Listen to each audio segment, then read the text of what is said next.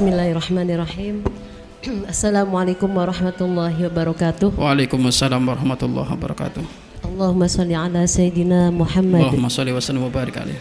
Bah, boleh minta solusi ya, Bah? Jadi gini, Bah, eh, saya punya masalah lagi sedih banget tuh, Bah.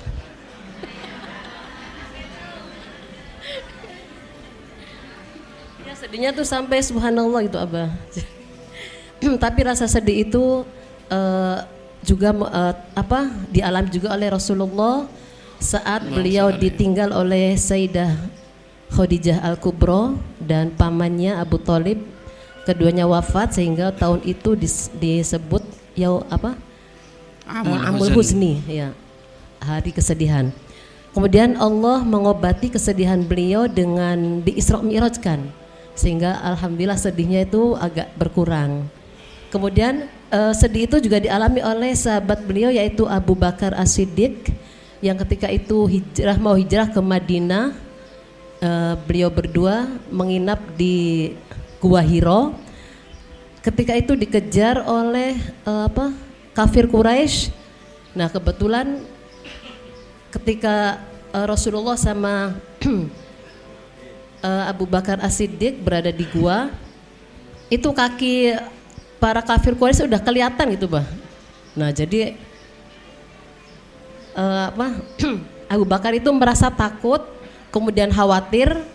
Nah, kemudian kata Rasulullah dalam Al-Qur'an Bismillahirrahmanirrahim Idh huma fil ghori idh yaqulu li sahibihi la tahzan innallaha ma'ana.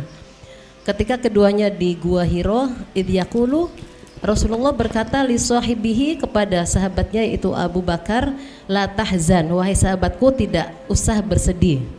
Innallaha ma'ana. Jadi ini sekarang ana eh, apa agak agak terobati sedikit gitu, Bah. Dengan adanya ayat innallaha ma'ana. Jadi Allah bersama dengan kita. Eh, kemudian barangkali Abah punya solusi yang lain gitu untuk mengobati rasa sedih ana. Baik. Ya wassalamualaikum warahmatullahi Assalamualaikum wabarakatuh. warahmatullahi wabarakatuh. Di dunia ada tangis, ada canda itu ya itulah realita dunia. Kalau di dunia bahagia terus, khawatir nanti akhirnya adalah kesedih, kesedihan. Atau kesedihan terus, khawatir akan putus asa. Maka oleh Allah memang diatur dengan sedih, gembira, gembira, sedih.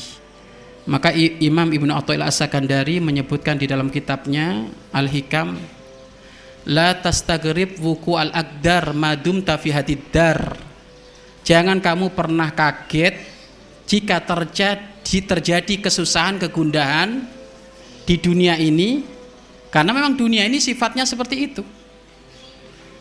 Yang bahagia hakiki selama-lamanya itu ya nanti kalau masuk surga.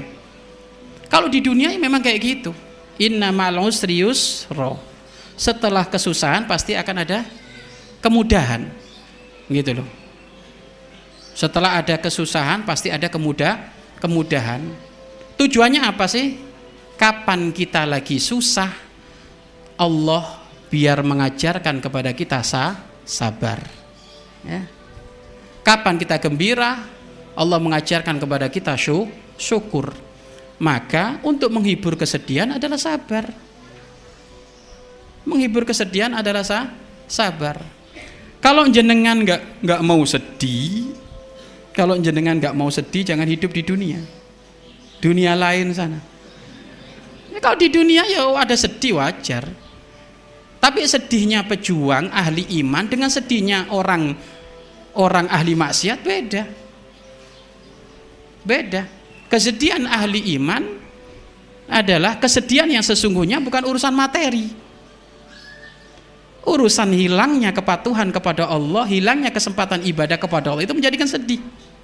Kalau hilangnya materi itu menjadikan sedih, kita ahli imannya masih KW ini. Makanya jangan pernah menjadikan kesedihan kita itu urusan dunia. Jangan. Dunia ini kecil orang tua kami. Dunia ini kecil. Jangan menjadikan sedih kita dunia. Hati-hati hei para pejuang Allah. Antum jangan pernah kecil hati berkata, saya nggak punya motor sehingga sedih. Eh, kecil ini. Hah? Kecil. Kalau antum sedih gara motor itu kesedihan antum itu kok kok kebangetan gitu urusan motor. Hah? Kok kebangetan bener urusan motor sedih. Nah, itu berarti kalau kayak gitu ya antum ahli dunia itu kalau kayak gitu itu. Bukan ahli Allah, nyantai. Banyak orang lebih parah di antara kita nggak punya apa-apa hidupnya nyantai. Ya. Ada siapa itu? Ibu-ibu setengah tua itu sama bapak-bapak itu biasanya jam 2 malam itu dia sudah ke sawah. Naik sepeda pit ngengkol. Goncengan ada suami istri itu. Suami istri atau wallah alam itu. Tak pikir-pikir, kok asik bener hidupnya orang ini. Yang punya motor mungkin udah masih tidur. Jam 2 udah bangun. Artinya apa? Ukuran kebahagiaan itu bukan di materi. Ukuran kebahagiaan dirimu dekat sama Allah ataukah enggak. Sudah itu. Kalau dekat kepada Allah Bapak Ibu hilangnya dunia nyantai karena kita enggak kehilangan Allah. Makanya apa yang menjadikan kita sedih? Kalau menjadikan kita sedih adalah urusan dunia, itu bukan ahli Allah itu, ahli dunia. Ya kan? Kecuali kalau dunianya sudah di, di, apa, diniatkan untuk kepentingan akhirat, hilang, sedih, wajar itu. Tapi kalau murni urusan kesedihan itu wajar. Ibu, kenapa ada seorang ulama di saat mau, main, mau manen jeruk dengan santrinya, dia berangkat pagi, tak taunya masuk ke apa? Ke tempat kebun jeruk, tak tahu jeruknya sudah habis, dipanen orang. Dipanen orang Akhirnya tiba-tiba kiainya ngomong, Alhamdulillah kita nggak usah capek-capek panen. Ya sudah kita makan aja sekarang langsung dimakan aja. Harusnya makan siang nanti setelah panen langsung dimakan. Nasi-nasi bungkusan. Pulang lebih cepat. Istrinya kaget, bang kok pulangnya lebih cepat? Iya Alhamdulillah jeruk kita sudah dipanen orang. Jeruk kita sudah dipanen oh panen orang. Terus gimana bang? Ya sudah, pahalanya sudah nyampe nanti di akhirat. Ahli Allah itu seperti itu. Urusan dunia nggak menjadikan dia kecil hati gitu loh. Kalau yang ternyata dunianya diambil orang, berarti tabunganku nanti di akhir di akhirat. Habib Umar bin Hafid punya tanah, beli tanah. Beli ta, beli tanah. Habib Umar bin Hafid beli tanah. Tanahnya itu dipalsu sertifikatnya oleh orang. Akhirnya anak-anaknya beliau ngomong, "Bah, apakah perlu kita banding?" Maksudnya, sebenarnya kalau kalau mau banding ke hakim gitu ya ini hak beliau tapi kata beliau apa? Sejak kapan nak kita rebutan tanah? Nah, sudah nggak apa-apa diambil orang, diambil orang. Gitu loh. Jadi ukuran kesedihan itu adalah jangan sampai urusan dunia, ya. Urusan kesedihan itu adalah urusan akhir akhirat, ya kan? Kita telat sholat harus sedih, ya, ya kan? Kesempatan kita berjuang hilang harus sedih itu. Ya, kalau sedih urusan dunia ya ini bu, ini berarti kelasnya kita kelas-kelas dunia kelas dunia orang tua kami. Lah ini. Makanya dari sini gimana untuk menghibur kesedihan? Menghibur kesedihan dengan dirimu dekat kepada Allah. Iya kan? Dirimu dekat kepada Allah. Sayyidina Ali di saat beliau kepanah punggungnya. Kepanah sakit, sedih. Tapi beliau sholat dua rakaat, tiba-tiba busur panahnya di punggung beliau dicabut nggak terasa hilang karena kebius dengan beliau ibadah kepada Allah kepada Allah karena gini, para orang tua semuanya, kalau hiburan antum untuk melampiaskan kesedihan selain Allah, antum akan ketagihan dan antum akan menduakan Allah. Makanya belajar mulai sekarang, kebahagiaan itu hanya dengan Allah, ditata, dilatih. Lagi sedih, baca aja Al-Quran terus. Al-Quran terus sampai sampai dikasih rasa manis di dalam kita membaca Al-Quran. Al-Quran. Khawatir, Pak. Sedih-sedih, ayo tamasya, tamasya. Tamasya duitnya di mana? Ngutang. Pulang ngutang, sedih lagi Bukan kayak gitu. Bukan kayak gitu. Makanya kalau kita menghibur kesedihan itu kepada selain Allah, maka nanti akan ada kesedihan berkelanjutan. Tutup langsung sudah. Kesedihan itu adalah selesai dengan dengan kita dekat kepada Allah sabar. Innalillah wa inna ilaihi. Makanya kapan orang kena musibah, apa kalimat yang dianjurkan? Innalillah wa inna ilaihi Hartanya hilang, innalillah wa inna ilaihi Ya, kita milik Allah dan kita akan kembali kepada Allah. Barang kita milik Allah akan kembali kepada Allah, kepada Allah. Makanya jangan menjadi hamba duit, hamba budak, hamba dunia. Kenapa? Ya, itu kalau menjadi hamba dunia duit ya capek nanti kehidupan kita. Sedih wajar. Wajar, ya. kesedihan ustadz dengan kesedihan jamaah ya beda semuanya punya porsi sedih. Kita pernah dulu pernah dulu keluar sama Buya. Buya ngomong saya lagi sedih Chef katanya. Lagi sedih. Kira-kira sedihnya Buya itu apa beliau cerita. Saya lagi sedih kok ada ulama kayak gini provokasi kayak gini gitu sedihnya ulama sama sedihnya kita kan beda. Sedihnya ulama itu apa? Umat ini hilang gara-gara ada ulama yang seperti ini seperti ini. Bajunya kita tapi akidahnya beda. Sedih beliau. Kan gitu kan? Makanya kesedihan kita apa selama ini? Gitu loh kesedihan kita apa? Nah, kesedihan nggak punya istri ya karena jomblo. Sabar. Sa sabar. Tinggal minta sama Allah Subhanahu taala. Jadi nggak usah kaget kenapa dunia itu ada manis, ada pahit. Ya inilah isinya dunia. La tastakrik wukol akdar madum tafi hadidar. Selama engkau ada di hadidar, selama engkau ada di dunia ini ya kehidupannya kayak gini. Memang oleh Allah dibikinkan kayak gitu. Kenapa Allah pengen tahu mana yang sabar, mana yang syukur, mana yang sabar, mana yang syukur. Makanya kata Nabi Muhammad bagaimana? Ajib tu an amril mu'min. Aku kagum dengan urusan ahli iman. Ida asobaut sorro fasyakar. Wa ida asobaut dorro fasobar. Aku kagum dengan kelakuannya ahli iman. Itu kalau ada kemudahan syukur. Itu kalau ada kesusahan sabar. Gak ada ngeluh.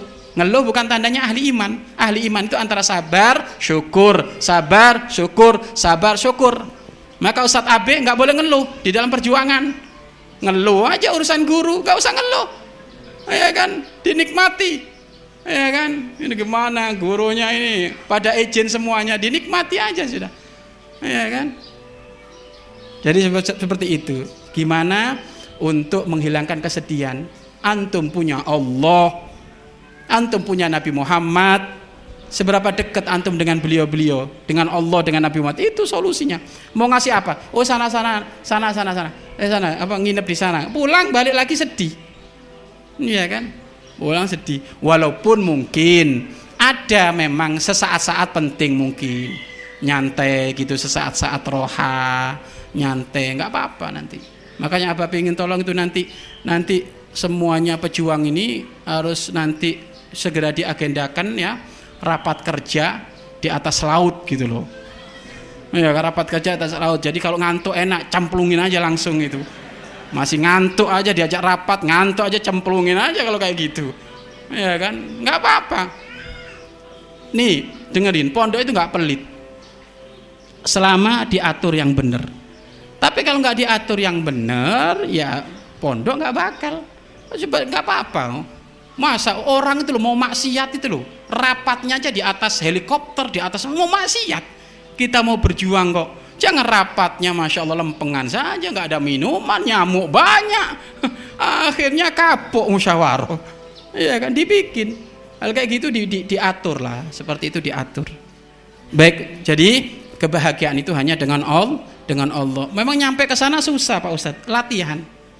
Latihan latihan. Terus gini kalau jenengan punya masalah jangan terfokus ke, kepada masalah itu. Itu biasanya abah itu sering kayak gitu. Dan saya diajarkan buya.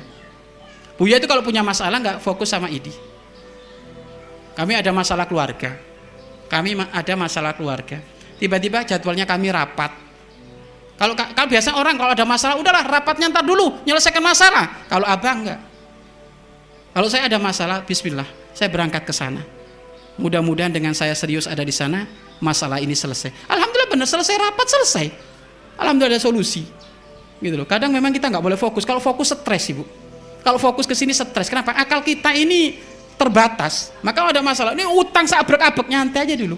Waktunya kajian jum, a, a, kajian kajian kajian kajian. Waktunya ngaji ngaji nyantai dibikin enak. Jangan fokus ini gimana utang, ini gimana utang. Bunuh diri. Ya kan?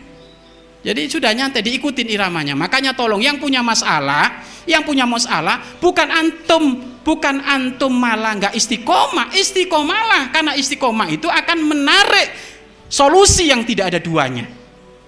Jadi terus tetap istiqomah, istiqomah, istiqomah. Kan biasa gitu, lagi ada masalah ngedon, belajar nggak ngajar enggak, ke pondok enggak, ya tambah numpuk masalahnya, tambah numpuk, jangan. Lagi ada masalah ya Allah saya lagi ada masalah dengan keluarga ya Allah. Hutang piutang ya Allah. Bismillah ya Allah. Saya niatkan saya ngajar ke pondok tak niatkan untuk menyelesaikan masalah. Seperti itu Seperti itu. Emangnya Allah pernah bicara gini ta? Kamu tak kasih masalah dan tak dan tidak saya kasih solusi. Bukan kayak gitu. Kamu tak kasih masalah dan tak kasih solusi. Siapa yang ngasih solusi? Bukan Anda, Allah. Allah.